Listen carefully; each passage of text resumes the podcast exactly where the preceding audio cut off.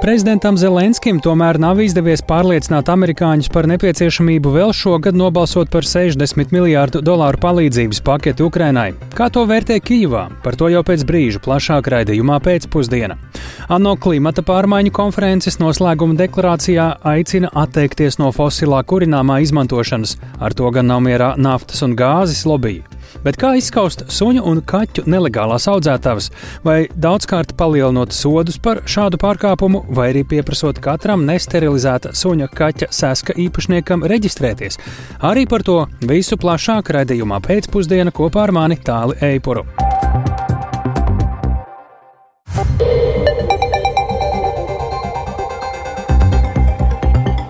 Pūkstens rāda 16,5 minūtes.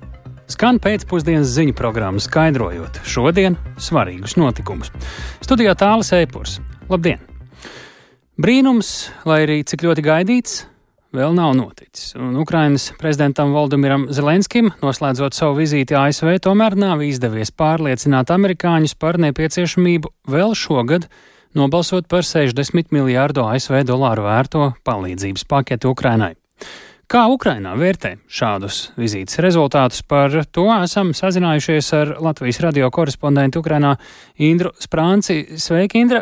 Ko tad Ukraina darīs, ja šī nauda netiks drīzumā piešķirta, vai arī tā var jautāt, netiks piešķirta vispār?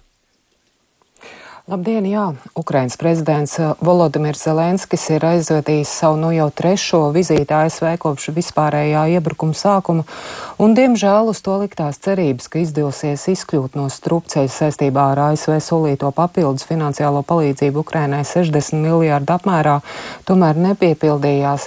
Līdz Ziemassvētku brīvdienām, kas ASV kongresā sāks pēc dažām dienām, visdrīzāk šis politiski ļoti sasāpējušais jautājums vēl netiks pieņemts jo palīdzība Ukrainai un citām valstīm ir sasaistīta ar iekšpolitiski jūtīgo jautājumu par stingrāku migrācijas kontroli uz robežas.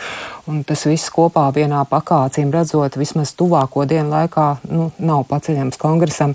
Savukārt, ja balsojums nenotiek līdz šīm brīv, brīvdienām, tas nozīmē, ka tas nebūs arī šogad. Un tas ir laikā, kad tas Ukraiņiem ir ļoti vajadzīgs gan militāri, gan arī finansiāli dažādu vajadzību sekšanai. Paklausīsimies fragmentu, kā vizītes norisi komentēja pats Zelenskis preskonferencē Vašingtonā. Чи я почув те, що я хотів почути? Я багато всього почув. Я точно... Vai es sadzirdēju to, ko es gribēju sadzirdēt? Es daudz ko dzirdēju un pateicu to, ko es gribēju pateikt. Es jūtu atbalstu gan no prezidenta Baidena administrācijas, tāpat es jūtu atbalstu šodien no senatoriem. Mēs par to runājām un runājām arī ar spīkeru. Visi tie signāli bija. Viņi bija vairāk nekā pozitīvi, bet mēs zinām, ka ir vārdi un ir konkrēti rezultāti. Jā, un tā kā šo rezultātu nav lielā mērā ASV iekšpolitisko procesu dēļ, tad te Ukrainā ir jūtama tāda tā kā mazliet vilšanās gan mediju telpā, gan arī sabiedrībā par to, ka, ka šī rezultāta nav. Un šo noskaņojumu ļoti precīzi aprakstīja vietējais laikraksts Ukrainas Pravda, kas citējas pašu Zelenska viņa uzrunā universitātē ASV, sakot, kad brīvā pasaule vilcinās, tad diktatūras svin. Un, diemžēl šāds noskaņojums šobrīd jaušams Ukrainā, un pagaidām arī nav lielas skaidrības, kā tieši tiks risināts šīs finansiālās problēmas, jo daļa no naudas, kas ir vajadzīga no šiem 60 miljārdiem, bija iecerēta kā atbalsts militārajām vajadzībām, bet vēl viena daļa makroekonomiskajai palīdzībai, jo, kā mēs zinām, Ukraina pati visus savus iekšzemes ienākumus atvēl savas armijas uzturēšanai un aizsardzībai, bet starptautiskais atbalsts ir nepieciešams, lai sāktu visas pārējās valsts vajadzības, kas arī nav maz. Tā ka situācija ir ļoti sarežģīta un to vēl nokaitētāku dara arī Ungārijas brīdinājumu apturēt arī Eiropas Savienības finansiālo atbalstu Ukrainai. Šobrīd pat grūti iztēloties iespējams sakas tam visam tālim. Jā, Indra, tu jau pieminēji, ka ir arī amerikāņiem savi iekšpolitiskie iemesli šādām izvēlēm vai vēl joprojām neizdarītām izvēlēm par atbalstu Ukrainai. Vai ir kaut kā labāk saprotams, kāpēc Zelenskim tomēr neizdevās amerikāņus pārliecināt par šī atbalsta piešķiršanu vai vismaz kaut kādu lielāku skaidrību vai virzību panākt? Zelenskis ieradās ASV, lai tiktos gan ar augstākajām amatpersonām, senatoriem, arī, arī abu partiju, ja, arī aizsardzības jomas uzņēmējiem, kas nav mazsvarīgi, jo lielākā daļa ASV palīdzības naudas beigās nonāk tāpat ASV militārās industrijas makā. Ar visiem šiem cilvēkiem Zelenskis runāja par, gan par vajadzībām un arī personiski atbildēja uz visiem jautājumiem, gan mēģinot kliedēt šaubas par naudas izlietojumu, gan arī runāt runāts par kara turpmāko stratēģiju, un, kā viņš atzīmēja preses konferencē, nelieliem soļiem Ukrainas sekmīgi turpina cīņa ar iebrucēju, ir notikušas būtiskas izmaiņas Melnajā jūrā, kur Krievijas karaspēkām nācies krietni atkāpties, tāpat ir iznīcināta Wagner grupa. Uh, kas, kas bija atzīmēta kā liela terorisma problēma, nav ļauts Krievijai ieņemt daudz plašākas teritorijas, tātad ienaidnieks ir apturēts, tā ka rezultāti ir. Tāpat viņš atkārtot apliecināja, ka nav pieņemama nekāda kompromisa attiecībā uz okupētajām teritorijām. Lai arī Zelenskis vārdos no abu partiju pārstāvjiem dzirdējis atbalstu Ukrainai, tomēr vizītē nav izdevies panākt, lai izkustētos no vietas šis te konflikts kongresā iesprūdusī palīdzības paka vairāk nekā 100, 100 miljārdu dolāru vērtībā, tas nozīmē, ka šis jautājums paliek tad visdrīzāk uz nākošo gadu, kad priekšvēlēšana cīņa ASV vēl vairāk sāsināsies. Un te Ukrainā jau arī izskan viedoklis, ka jārēķinās arī ar iespēju, ka Ukraina vispār neko no tā nedabūs. Un, uh, Tāpēc šobrīd, um, negaidot balsojumu kongresā, šis paziņojums, um, Pentagona paziņojums, ka nodrošinās papildus militāro palīdzību vēl 200 miljonu dolāru apmērā, tad um, netiek izslēgts, ka šī varētu būt viena no pēdējām palīdzībām, ko Baidena administrācija nodod Ukrainai. Um, ASV prezidents uh, Joe Baidens gan Zelenska vizītes laikā uzsvēra, ka ASV atbalstīs Ukrainu cik vien spējas un ka ir svarīgi neuzdāvināt Krievijas prezidentam Vladimiram Putinam tādu dāvanu kā rietumvalstu vājumu nespēja atbalstīt Ukrainu. Paldies, Indra! Tik tālu par Zelenska vizīti ASV un tās atbalstīm Ukrainā. Aktuāls joprojām ir arī otrs pasaules karstais punkts Izrēlā, Gazas joslā. Nekavējoties pārtraukt uguni karā starp Izrēlu un teroristu grupējumu Hamas Gāzes joslā, ANO rezolūcija ar šādu mērķi ir atbalstījušas, šādu uzsaukumu ir atbalstījušas 153 ANO dalību valstis. To nosodījuši Izraela un ASV, bet Latvija kopā ar Igauniju bijušas rezolūcijas atbalstītāju vidū. Lietuva ir atturējusies. Juridiski gan šis dokuments nav saistošs, bet iezīmē manāmas rietumvalstu viedokļu atšķirības. Kāpēc Latvija šādi balsojusi, vaicājām pēc Latvijas balsojuma skaidrojuma ārlietu ministrijas preses sekretārē Diānai Eglītei. Startautiskās palīdzības sniedzēja norāda, ka pašreizējā situācijā tie vairs nespēj sniegt humāno atbalstu Gazas civilizētājiem. Turklāt jāuzsver arī, ka šis balsojums ir svarīgs no atbalsta ANO sistēmai viedokļa. Latvijai tas ir būtiski arī plašākā kontekstā, domājot par noteikumos balstītas starptautiskās kārtības veicināšanu. Pirms šī balsojuma, kā parasti, cieši koordinējāmies ar pārējām Eiropas Savienības dalību valstīm, īpaši Ziemeļvalstīm un pārējām Baltijas valstīm, kas kopumā balsojumā ieņēma vienotu nostāju. Tāda Jāna Eglīte, Latvijas ārlietu ministrijas pārstāve, bet pie mums klausos Rīgas juridiskās augstskolas lektora starptautisko tiesību eksperte Ieva Miļona. Labdien! Labdien! Nu šeit mēs dzirdējām, ka um, Latvija ir koordinējusi savu uh, balsojumu arī ar uh, savām partnervalstīm. Tiesa gan jāsaka, ka lielās Eiropas valstis, Lielbritānija, Francija, Vācija ir balsojuši katru pa savam. Viena pret, viena atturējusies, viena par. Nu, šeit nevar vērot tādu lielu vienprātību mums svarīgo valstu vidū, vai šis nav arī nu, tāds kā simptoms veiksmīgiem, diemžēl, mēģinājumiem šķelt rietumus. Jā, tas tā arī var būt. Un būtībā ANO drošības padome, kurā ir gan Francija, gan apvienotā karaliste, šajā situācijā bauda tādu kā leģitimitātes problēmu. Jo ANO statūta 24. pāns saka, ka ANO drošības padome darbojas visu ANO dalību valstu vārdā. Acīm redzot, šajā situācijā uh, kur būtībā ANO dalībvalstis ģenerālajā asamblējā uzskata, ka strīds faktiski ir jārisina citādi. Un šajā situācijā Uh, Izraēla iziet uz to, ka ienaidnieks ir pilnībā jāiznīcina. Protams, neapšaubo terorisma kaitniecisko dabu. Arī es uzskatu, ka, uh, ka, ka Latvijai ir bijis šādi jābalso un Latvija pilnīgi pareizi tā rīkojasies.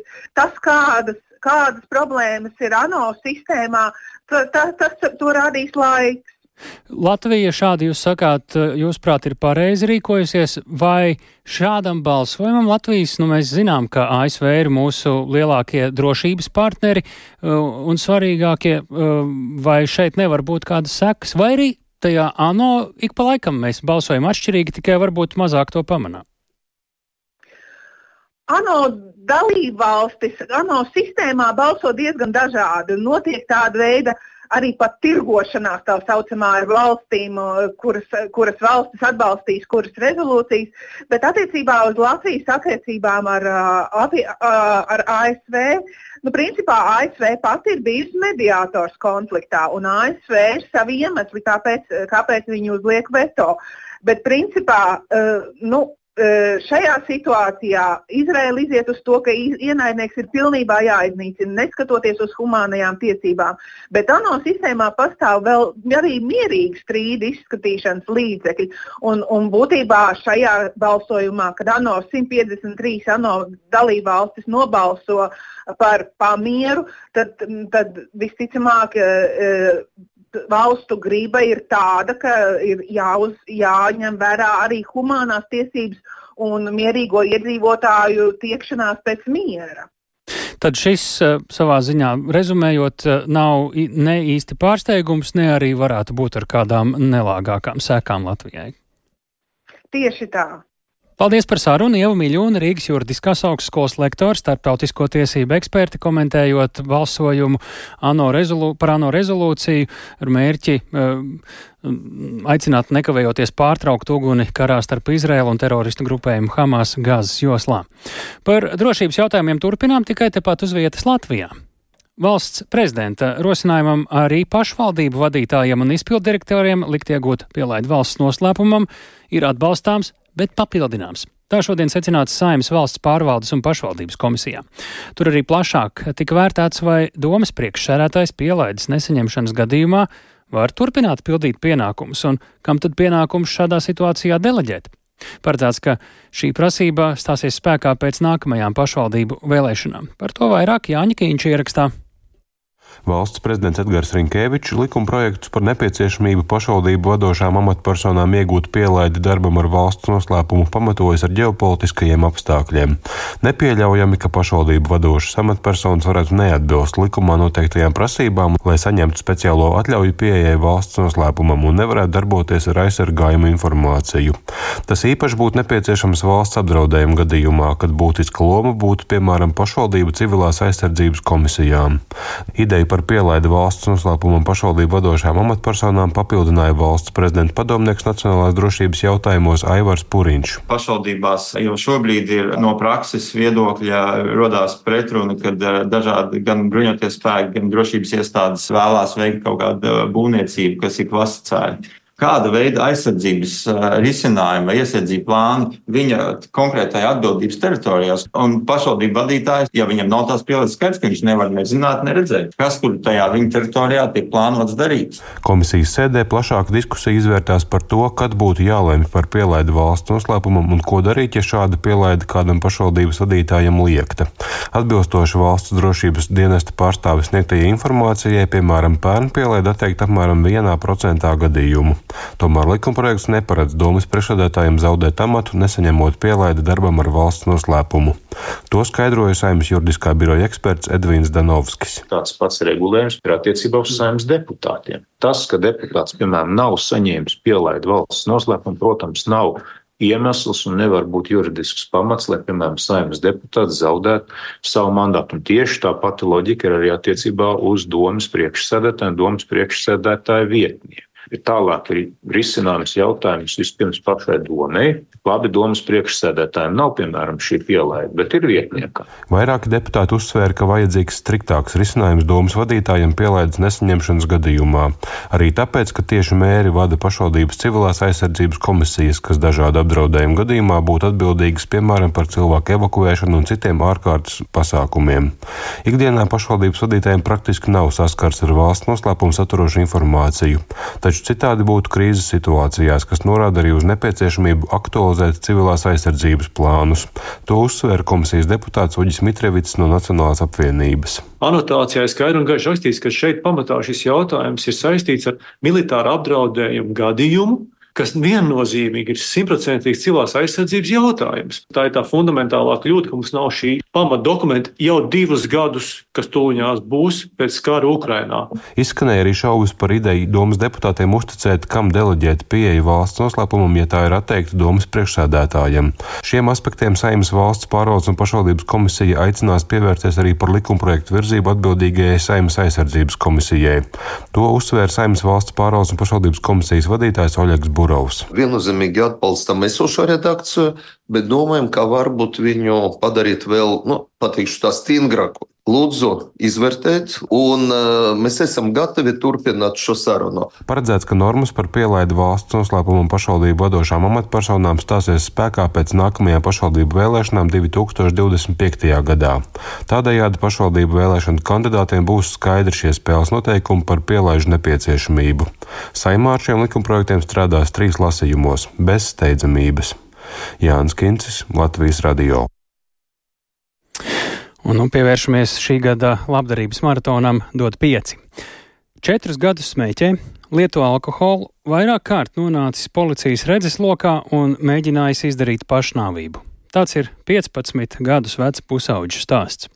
Ar nopietnām problēmām viņš pirms pusgada nonācis jauniešu centrā, kur saņem dažādu veidu palīdzību un atbalstu. Ar šo stāstu mēs turpinām runāt par labdarības maratona DOT 5 šī gada tematu pievēršoties jauniešiem, kas sarežģītu apstākļu dēļ nav drošībā. Vairāk Viktora Demīdova ierakstā. Sabiedrisko mēdīju labdarības maratons dod pieci. Palīdz jauniešiem, kurus līdzcilvēki izvēlas neredzēt. Biju bēguļojis. Policijā bija no mammas un tēta iesniegums, un aizgāju līdz sociālajiem dienestam. No sociālā dienesta šeit Jauniešu centrā ar sakrustotām rokām man priekšā sēž 15 gadus vecs Roberts no Bauskas novada. Viņa vārds šajā stāstā ir mainīts. Pusaudzis stāsta, ka no 11 gadu vecuma smēķē vienu reizi ir lietojis alkoholu un ir zadzis, kā pats atzīst, pārsvarā saldumus. Pusaudzis apgalvo, ka naudu no vecākiem atkarību izraisošām vielām nav lūdzis, un arī to zadzis viņš nav. Par attiecībām ar vecākiem pusaudzis atbild, ka tās ir normālas. Grūtības Robertam sagādā attālinātās mācības 8. klasē. Šogad mācīties viņš sāka klātienē, bet pirms pāris nedēļām pārgāja uz attālināto režīmu. Savukārt par turpmāko dzīvi pusaudzis pat neaizdomājas. Man pagaidām tepat esmu labi mājās pie mammas un tēta. Bet vismaz pabeigt skolu ir tavs mērķis. Vairāk negribas ne uz skolu neko. Bauskas centrā laiks jauniešiem Roberts nokļuva pirms pusgada, pēc tam, kad viņu diennakti meklēja policija un vecāki.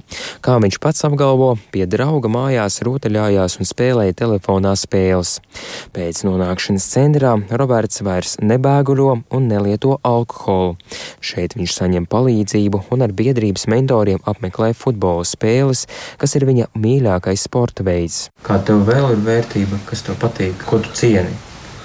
Mammu, tēti, gintu. Gīns Jankovskis ir biedrības vadītājs. Intervējot Robertu, viņš bija citā telpā un mūsu sarunu nedzirdēja. Jankovskis nedaudz izbrīnās, uzzinot, ka Roberts viņu nosaucis par vienu no savām autoritātēm. Pēc viņa stāstītā pusauģa dzīve patiesībā ir skaudrāka nekā to atklāja Roberts.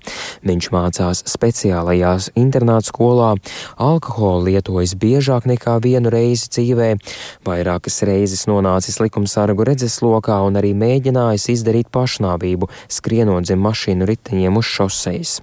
Rodas priekšstats, ka Roberts to nestāstīja, jo sarunas laikā istabā atradās arī viņa bieži pieminētā māte. No 30 jauniešiem, kas centrā saņem palīdzību, Roberts ir viens no smagākajiem gadījumiem, saka Gins Jankovskis, kurš intervijas laikā vēl pēdējo dienu darbojās Bauskas novada pašvaldībā jaunatnes nodaļā. Es varbūt iemetīšu tādu rūktu sāls daiviņu savā jomā jaunatnes sfērā, ka jaunatnes darbinieki, jaunatnes speciālisti labprātāk un vienmēr izvēlēsies strādāt ar tiem labajiem jauniešiem, kuriem viss dzīvē ir kārtībā. Bet tiem jauniešiem, kas ir diemžēl tie saucamie ielu jaunieši, jaunieši, kas dzīvo lauku reģionos un daudz kur citur, vismaz 75% pašvaldību šiem jauniešiem pievērš ļoti minimāli vai vispār uzmanību nepievērš. Mēs skatāmies šeit valstiski mērogā gan pašvaldībā, kas strādā ar jaunatni, gan sociālajā dienestī, gan arī ministrijā, kas droši vien nav nodefinējusi līdz galam šīs visas minētās lietas uz leju. Jo mums beidzot šobrīd jaunatnes darbinieku, jaunatnes lietu speciālistu vispār amatu klasifikācija top. Sabiedrībai, tā izskaitā arī policijai, jaunieti pirmajā pārkāpuma reizē nedrīkst sodīt. Galvenais - sarunāties un paskaidrot, ko viņš dara. Tā problēmu var mazināt, uzsver Gins Jankovskis, norādot, ka ir jāstrādā ar jauniešu problēmu cēloni, nevis izpausmēm. Viktors Demidovs, Latvijas radio. Sabiedrisko mēdīju labdarības maratons dod pieci. Palīdz jauniešiem, kurus līdzcilvēki izvēlas neredzēt.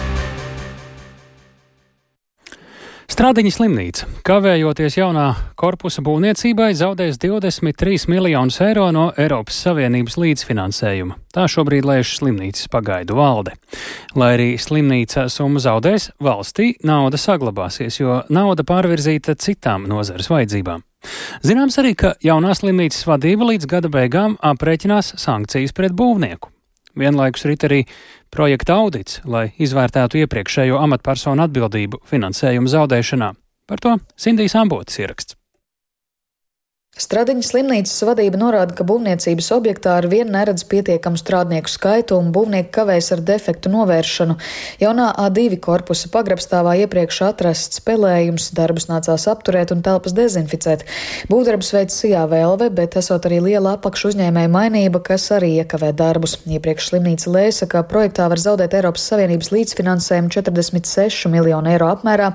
Oktobrī summa pieauga līdz pat 70 miljoniem, bet pat labam slimnīca Slimnīcas jaunieceltās valdes vadītājs Lauris Vidis norāda, ka zaudējumi varētu būt mazāki, jo finansējuma apguvi izdevies pātrināt. Ja viss prognoze un reāla apguve līdz gada beigām izpildās kā plānots, tad Eiropas Savienības um, reģionālā attīstības fonda līdzfinansējuma neapguve varētu būt uh, 23,3 miljoniem. Mēs esam arī aktīvi strādājuši pie tā, lai pātrinātu būvdarbu nodošanas procesu un uzlabotu finanšu plūsmu. Noslēgtas ir arī vairākas trīspusējās vienošanās gan ar Reatonu, gan ar Avis un Semitronu, lai mēs kā pasūtītājs spētu norēķināties ar būvmateriālu piegādātāju patiešo. Mēs arī esam iegādājušies papildus medicīnas tehnoloģijas un IT iekārtas projektu ietvaros. Arī ģenerāla prokuratūra ir sākusi pārbaudi par slimnīcas samatu amatpersonu rīcību saistībā ar finansējuma apguvi. Stradiņas slimnīcas prokuriste Jūlijas Stāre papildina arī par iespējamām būvlīguma pārkāpumu sankcijām pret uzņēmumu un sāktu auditu par projekta gaitu. Ne, nu mēs redzam skaidru kavēšanos laika un grafika izpildē un arī naudas plūsmā. Atkarībā no tā, cik daudz būvdarbi ir paveikti, gada beigās, gada sākumā mēs zināsim jau konkrētu ciparu, ar kādu mums ir jāvēršas par zaudējumu pieciņu. Šīs ir tās lielākās, būtiskākās sankcijas. Šobrīd ir piesaistīts uzņēmums Ernst Young, kas veic šī projekta gaitas arī auditu. Mums uz gada sākuma būs arī kaut kādi pirmie rezultāti, un tad arī tā atbildība un atbildības sadalījums par radušo situāciju būs daudz maz skaidrs. Slimnīcas jauno korpusu bija jāpabeidz līdz šī gada beigām, bet būvdarbiem ievelkoties termiņš pagarināts līdz 2025. gada martam. Šobrīd projekta kopējās izmaksas aprēķināts 156 miljonu eiro apmērā. Finanšu ministrijas pārstāve Diāna Rancāna iezīmē, ka minēto 23 miljonu Eiropas līdzfinansējumu valsts gan kopumā nezaudēs. Naudu izdevies pārvirzīt citiem projektiem un vajadzībām nozarē. Latvija mums ir pārliecība, ka nezaudēs finansējumu. Tā ir nu, galvenā lieta no tāda valstiskā konteksta. Par slimnīcu runājot, nu jā, tas sanāk šim projektam konkrēti nebūtu šis finansējums šī perioda, bet uh, ir rasts risinājums pabeigt projektu ar jaunā perioda finansējumu. Tā ir no vienas puses laba lieta, gan Eiropas komisija devusi iespēju visām dalību valstīm, saklausot šo te globālo faktiski situāciju. Daudzām valstīm ir šie te infrastruktūras būvniecības projekti īpaši kavējumi. Protams, tā blakna un tā negatīvā lieta ir tas, ka nu, to iespēju jaunajā periodā jauniem daudziem citiem projektiem paliek mazāk. Paula Stradiņa Kliniskās universitātes slimnīcas kompleksā kopumā ir 38 sēkas, un no šīs infrastruktūras pat labam tikai 32% atbilst mūsdienīgām prasībām. Tieši jaunajā slimnīcas korpusā paredzēts izvietot arī neatliekamās medicīnas centru, jeb uzņemšanas telpas, kuras īpaši nepieciešamas, jo pat labam uzņemšanā pacientiem bieži jāguļ koridorā, norāda slimnīcas pārstāvji. Sinti Amboti, Latvijas radio. Kā vislabāk izskaust nelegālās suņu un kaķu audzētavas? Veterinārā ārsta biedrība rosina līdz 16 reizēm palielināt sodus par šādu pārkāpumu, bet zemkopības ministrija piedāvā likt reģistrēties katram nesterilizēta suņa, kaķa, seska īpašniekam. Kādi būtu labākie risinājumi nelegālo audzētāju izskaušanai, par to šodien sprieda Saimas atbildīgajā komisijā. Viktora Demīdova ieraksts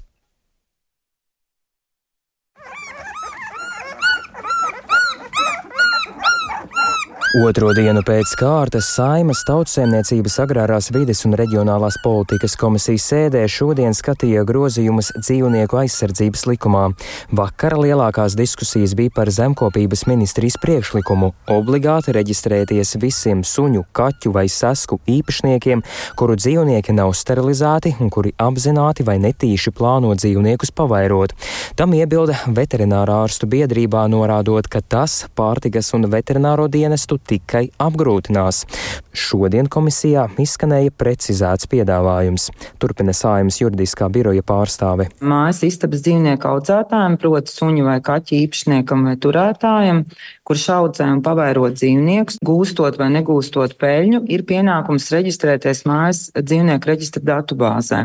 Tas nozīmē, atšķirībā no tā, kas tika iesniegts vakar, mēs nesakām, ka ir jāreģistrējās un tad viņiem ir atļauts ar to nodarboties, bet gan mēs pasakām, ka ja viņam tas ir noticis, viņa dzīvniekam, tad uh, viņam ir pienākums reģistrēties šajā dzīvnieku reģistra datubāzē. Uz piedāvātajiem grozījumiem pozitīvi raugās pārtikas un veterinārajā dienestā, turpina tā pārstāve Ieva Nikītina. Ar šiem grozījumiem pēc būtības būs iespēja izkontrolēt tos dzīvnieku īpašnieks un tās dzīvnieku turēšanas vietas, kurās tiks turēti dzīvnieki, dzīvnieku mātītes, kurām būs vismaz viens metiens, un atlasot datus lauksaimniecības datu centrā, mums būs iespējams veikt uzraudzību un kontroli šajos objektos. Bez tam ar izstrādātiem grozījumiem tiks nodrošināta arī regulāra sludinājuma kontrole.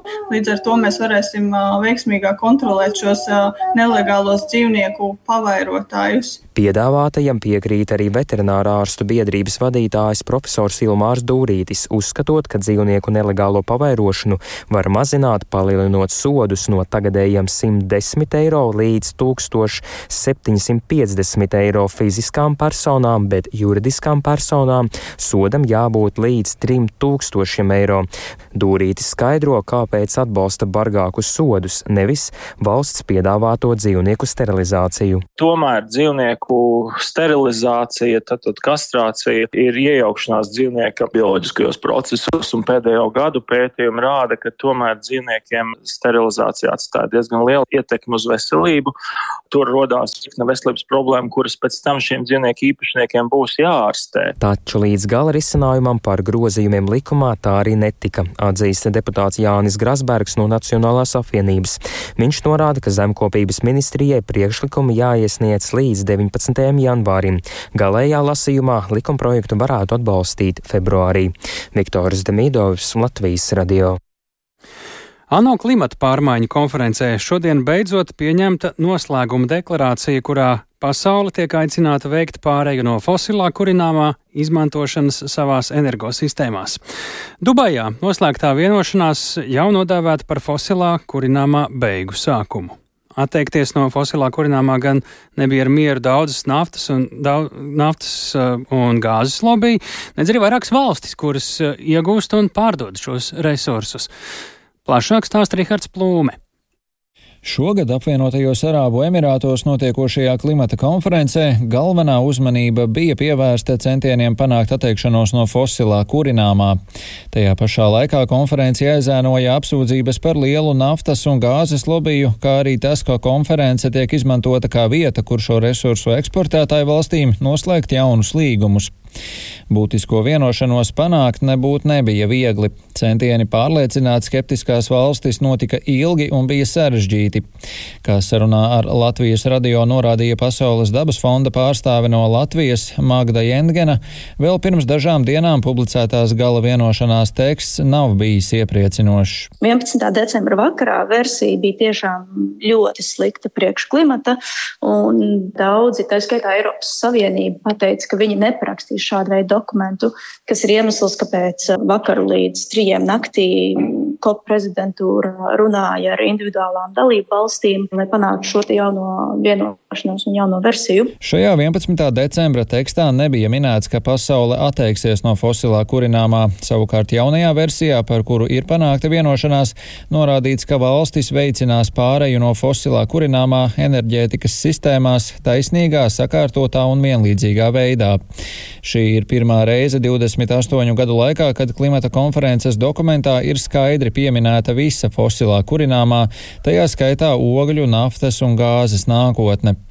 Tajā gan nav minēts, ka valstis līdz 2050. gadam no fosilā kurināmā atteiksies pilnībā. Skaidrs, ka pilnībā apmierināta nav neviena puse. Klimata aktīvisti un organizācijas, kā arī vairākas valstis vēlējās daudz stingrāku deklarācijas valodu un skaidrus un ātrus termiņus. Savukārt otrā pusē daļa labprāt no fosilā kurināmā neatteiktos nemaz, vai vēlētos, lai tas notiek iespējami vēlāk. Pasaules dabas fonda pārstāve skaidroja, ka vienošanās, kas galu galā tomēr panākta, ir kompromiss. Viņas ieskatā naftas lobijas un skeptiskās valstis tomēr saprot, ka pasaulē nav citas izējas, kā galu galā atteikties no fosilā kurināmā. Tāpat būtiska loma vienošanās panākšanā bijusi COP prezidentūrai, kas cītīgi runājusi ar valstīm. Tie, kas ir gudri, saprot, ka fosilajā kurināmajā nav nākotne. COP prezidentūra ir tiešām līdz trījiem naktī sēdējusi un runājusi ar individuālām valstīm un panākuši šo vienošanos. Jo mēs vienmēr zinājām, ka būs jābūt kompromisam. Diemžēl viena puse nedabūs visu, ko vēlās, un arī naktas lobby to ir sapratuši. Daudzi vidas aizstāvji uzskata, ka vienošanās ir solis uz priekšu, lai gan tajā pašā laikā daudzi brīdina, ka darāmā vēl būs daudz vairāk. Arī Pasaules dabas fonda pārstāve uzsvēra, šis dokuments ir tikai sākums. Un ir skaidrs arī tas, ka pasaule šobrīd atpaliek, lai sasniegtu Parīzes klimata vienošanās mērķi ierobežot globālo sasilšanu pusotra grāda robežās. Līdz ar to pasaulē jāstrādā pie arvien ambiciozākiem mērķiem. Rihards Plūme, Latvijas radio. Un turpinām vēstīt par kādu citu startautisku organizāciju un tās lēmumu sakām, proti par Startautisko olimpisko komiteju, un turpinām vētīt agresoru valstu iespējamo piedalīšanos Parīzes olimpiskajās spēlēs. Šobrīd Ir divi reālākie scenāriji, kā panākt, ka Krievijas un Baltkrievijas sportisti nākamā gada vasarā Parīzē neizstartētu. Tā uzskata Saimnes sporta apakškomisijas vadītājs Dāvis Daugavietis no jaunās vienotības. Abos scenārijos visai maza loma ir sporta organizācijām, bet galvenais darbs būtu diplomātiskajā līmenī.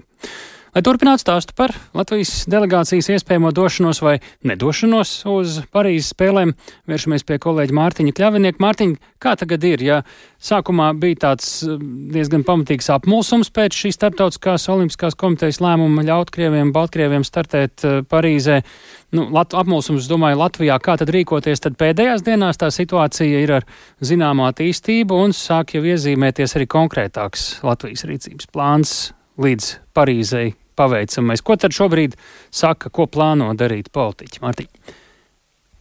Jā, sveiks tālu un sveicināt arī radio klausītāji. Eh, nu, pirmkārt jau eh, sporta apakškomisijas sēde notiks jau nākamā otrdien, un tā ir sasaukta, um, un tajā ir uzaicināta, uzaicināta arī ārlietu ministrijas pārstāvi, kas paši par sevi jau norāda, tevis tikko teikto, ka diplomātijai būs ļoti svarīga loma, jo, ja mēs tā paskatāmies, kā Krievija panāca šos lēmumus gan paralimpiskajā, gan olimpiskajā saimē, tad tur bija iesaistīti daudz e, diplomāti, un tieši diplomātijas korpus e, bija pastrādājis, padarījis savu mājas darbu, lai balsojums vienā un otrā gadījumā būtu tieši šāds, nu, un tad arī pretreakcijai vismaz tā uzskata Latvijas politiskajā vidē ir jābūt līdzīgai, un tur ir jāmeklē risinājumi. Un, kā jau minēja Dāvis Mārtiņš Daugovietis no jaunās vienotības saimnes sporta apakškomisijas vadītājs, arī uzskata, ka e, tieši tā ir jādara un ka ir jāmeklē um, palīdzīgas rokas tieši šādā veidā un jāsazinās ar ārvalstīm. Un galvenais mērķis diezgan uzskatāmi un loģiski ir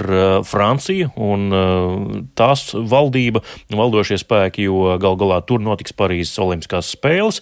Un Un, ja tur durvis būs ciet un atslēga būs nolausta, Krievija, Baltkrievija netiks iekšā, tad bez viņiem arī šis pasākums noritēs. Paklausīsimies vairāk mm, Dāvja Mārtiņa Daugavieša izklāstu. Saistībā ar sporta apakškomisiju mēs esam sasaukuši nākamo otrdienu, 8.30 kopā ar Saimnes izglītības, kultūras un zinātnes komisiju kopsēdi, kur mēs arī šo jautājumu skatīsim kopā gan ar izglītības zinātnes ministrijas, gan ārlietu ministrijas, gan Latvijas Olimpiskās komitejas un Latvijas Olimpiskās komitejas atlētu komisijas pārstāvjiem. Ļoti daudz, kas šobrīd būs atkarīgs no Francijas. Kā mēs ļoti labi atceramies, tad bija šis gadījums ar Wimbledonu. Anglijas valdība pieņem lēmumu, ka šie sportisti nestartēs Anglijā Wimbledonas turnīrā. Šeit, principā, arī Francijas valdība var ļoti vienkārši atrisināt visai pasaulē šo jautājumu. Tad vēl viens no šiem veidiem, kā arī diplomāts to risināt, ir runājot ar sponsoriem. Jā, tā lūk, Dāvs Mārtiņš Daugovietis, saimnes sporta apakškomisijas vadītājs. Nu, viņš arī piebilda, ka ir gal galā atgādināja, ka ir arī piemērs pavisam nesenā pagātnē šepat Latvijā Rīgā, kad 2021. gadā bija jānotiek pasaules čempionātam hokejā Rīgā un Minskā, un atceramies, kas tobrīd darījās Baltkrievijā protesti pret viltotajām um, vēlēšanām, kurās atkal pēdiņās uzvarēja Aleksandrs Lukašenko. Nu, un tad beigu beigās uh, sponsori, daudzi sponsori pateica, ja kaut daļa no pasaules čempionāta čempionāti notiks Minskā, mēs izstājamies un uh, savu naudu nedodam. Un tad ātri vien starptautiskā hokeja federācija nolēma, ka jā, čempionāts būs tikai un vienīgi Rīgā. Tā kā tie ir divi tie punkti, uz kuriem uzspiest uh, Francija un sponsori, starptautiskās olimpiskās komitejas sponsori. Tāli. Kāds tad uh, ir Latvijas Olimpiskās komitejas darba plāns tieši, kad viņi plāno pieņemt kādu gala lēmumu, braukt vai nebraukt uz Parīzi, jo arī tur ir viens lēmumu pieņemšanas punkts? Jā, arī tur ir jāpieņem lēmums. Tas noteikti būs jāpieņem agrāk vai vēlāk. Nu, viņi eh, šobrīd, eh, kā es arī pirmdien stāstīju, bet tad tas vēl bija tā diezgan nenoteikti, ir veikuši pārunas tātad ar partneriem eh, Baltijā, ar citām olimpiskajām komitejām Lietuvā, Igaunijā, tāpat arī Polijā, Ukrainā un Ziemeļvalstīs. Nu, un saka, ka jā, Poļi ir atbalstoši, Baltieši ir atbalstoši, nu, Ziemeļvalstu, Skandināvijas pārstāvi, varbūt Somi arī atbalstoši, bet pārējie tādi, nu, nevisai. Jāsaka tā, un Jānis Buks, Latvijas Olimpiskās komitejas prezidents, arī atklāja, ka ir tapusi vēstule, kas tiks nosūtīta Starptautiskajai Olimpiskajai komitejai. Tagad tiek meklēti partneri, kas to varētu parakstīt bez Baltijas valstīm. Gribētu savākt 8-9 parakstus, lai tā, tai būtu kāds svars ar tādu stingru nosodījumu šim lēmumam par Krievu un Baltkrievu pielaišanu Parīzes spēlēm. Bet eh, vēl par darāmo stāst Jānis Buks. Jo vairāk eh, iedarbinātie mehānismi, jo labāk. Jo viena pati Latvijas balss arī Olimpiskajā kustībā nu, īsti laikam neizskanēs un neskan. Ja? no tāda Olimpiskās komitejas viedokļa, izmaiņot ar oficiāliem paziņojumiem. Ja mums ir principā septiņu mēnešu laika ja, līdz Olimpiskām spēlēm. Ja mēs ļoti, ļoti gribam teikt, eh, nē, mēs to varam izdarīt nezinu, nedēļu pirms 26. Eh, jūlijā. Ja. Laiks ir rīkojamies gudri un jā, neēdam to zupu karstu. Ejam uz priekšu ļoti pārdomāti un izsvērti, bet mums ir jābūt ļoti stingriem savā pozīcijā par to, ka mēs esam kategoriski pret to, ka Krievi un Baltkrievi piedalās Olimpiskajās spēlēs. Jā, tālāk Jānis Buks, Latvijas Olimpiskās komitejas vadītājs. Tālāk. Jā, Mārtiņ, kopš pirmdienas, kad šeit pat arī stāstīja par sportistu viedokļiem, eh, tagad arī vēl vairāk Latvijas atlēti ir izteikušies par vai, nu, precīzāk sakot, pret braukšanu uz Parīzi, ja tur būs Krievi un Baltkrievi. Atgādini, lūdzu, kuri līdz šim ir publiski pauduši šo viedokli šajā jautājumā un kāds tas īsumā ir bijis? Jā, nu, ir izskanējuši viedokļi. Laikam tikai Gonta Vaitšulle, sprintere, ir teikusi, ka būtu jādodas uz mm, Parīzes Olimpiskajām spēlēm un tādējādi jāpauž savu nostāju tur uz vietas un jāatbalsta arī Ukraiņus. Savukārt 3 par 3 basketbola olimpiskie čempioni, 3 no 4 ir pauduši tātad Nauris Miezes, Kārlis Lasmans, arī Agnes Čavars, ka nedosies uz Parīzi, ja tur būs Krieva un Baltkrievu. Līdzīgi ir pateicis arī basketbola izlases saspēles vadītājs Kristers Zoriks, tāpat arī, nu, arī citi atlēti Tīna Graudiņa, pludmales volejbolists, likusi noprast, ka tāds būs viņas lēmums. Tāpat arī šodien uh, valsts prezidents Edgars Rinkēvičs pauda, ka nu, šis lēmums ir absolūti nepareizs ļaut Krieviem un Baltkrieviem piedalīties Parīzē, jo savukārt ministra prezidenta Evika Siliņa no jaunās vienotības pauda, ka ir uh, jāpanāk vienota nostāja, lai varētu mainīt savu lēmumu. Nu, tur nostāja, protams, gan iekšēji valstiskā līmenī, gan arī jāatrod partneri ārvalstīs. Tāli. Šie notikumi noteikti turpinās vēl attīstīties ar jauniem lēmumiem, jaunām iniciatīvām un darbībām, ne tikai nostāju paušanām. Sakām paldies Mārtiņam Kļaviniekam, runājot par sportistu došanos uz Parīzes Olimpiskajām spēlēm, gan mūsu sportistu, gan Agris Orvalsts sportistu. Šis bija ziņu raidījums pēcpusdiena, to veidoja Tāls Eipurs, Ilza Agīnta, arī Renārs Šteimans un Kārlis Rašmanis. Šo raidījumu, ja vēlties klausīties sev vērtā laikā, Ņemiet Latvijas radio mobilo lietotni, meklējiet dienas ziņas. Mēs tiekamies atkal rīt, kā jau katru darbu dienu, pēc ziņām 4 un 5 minūtēs.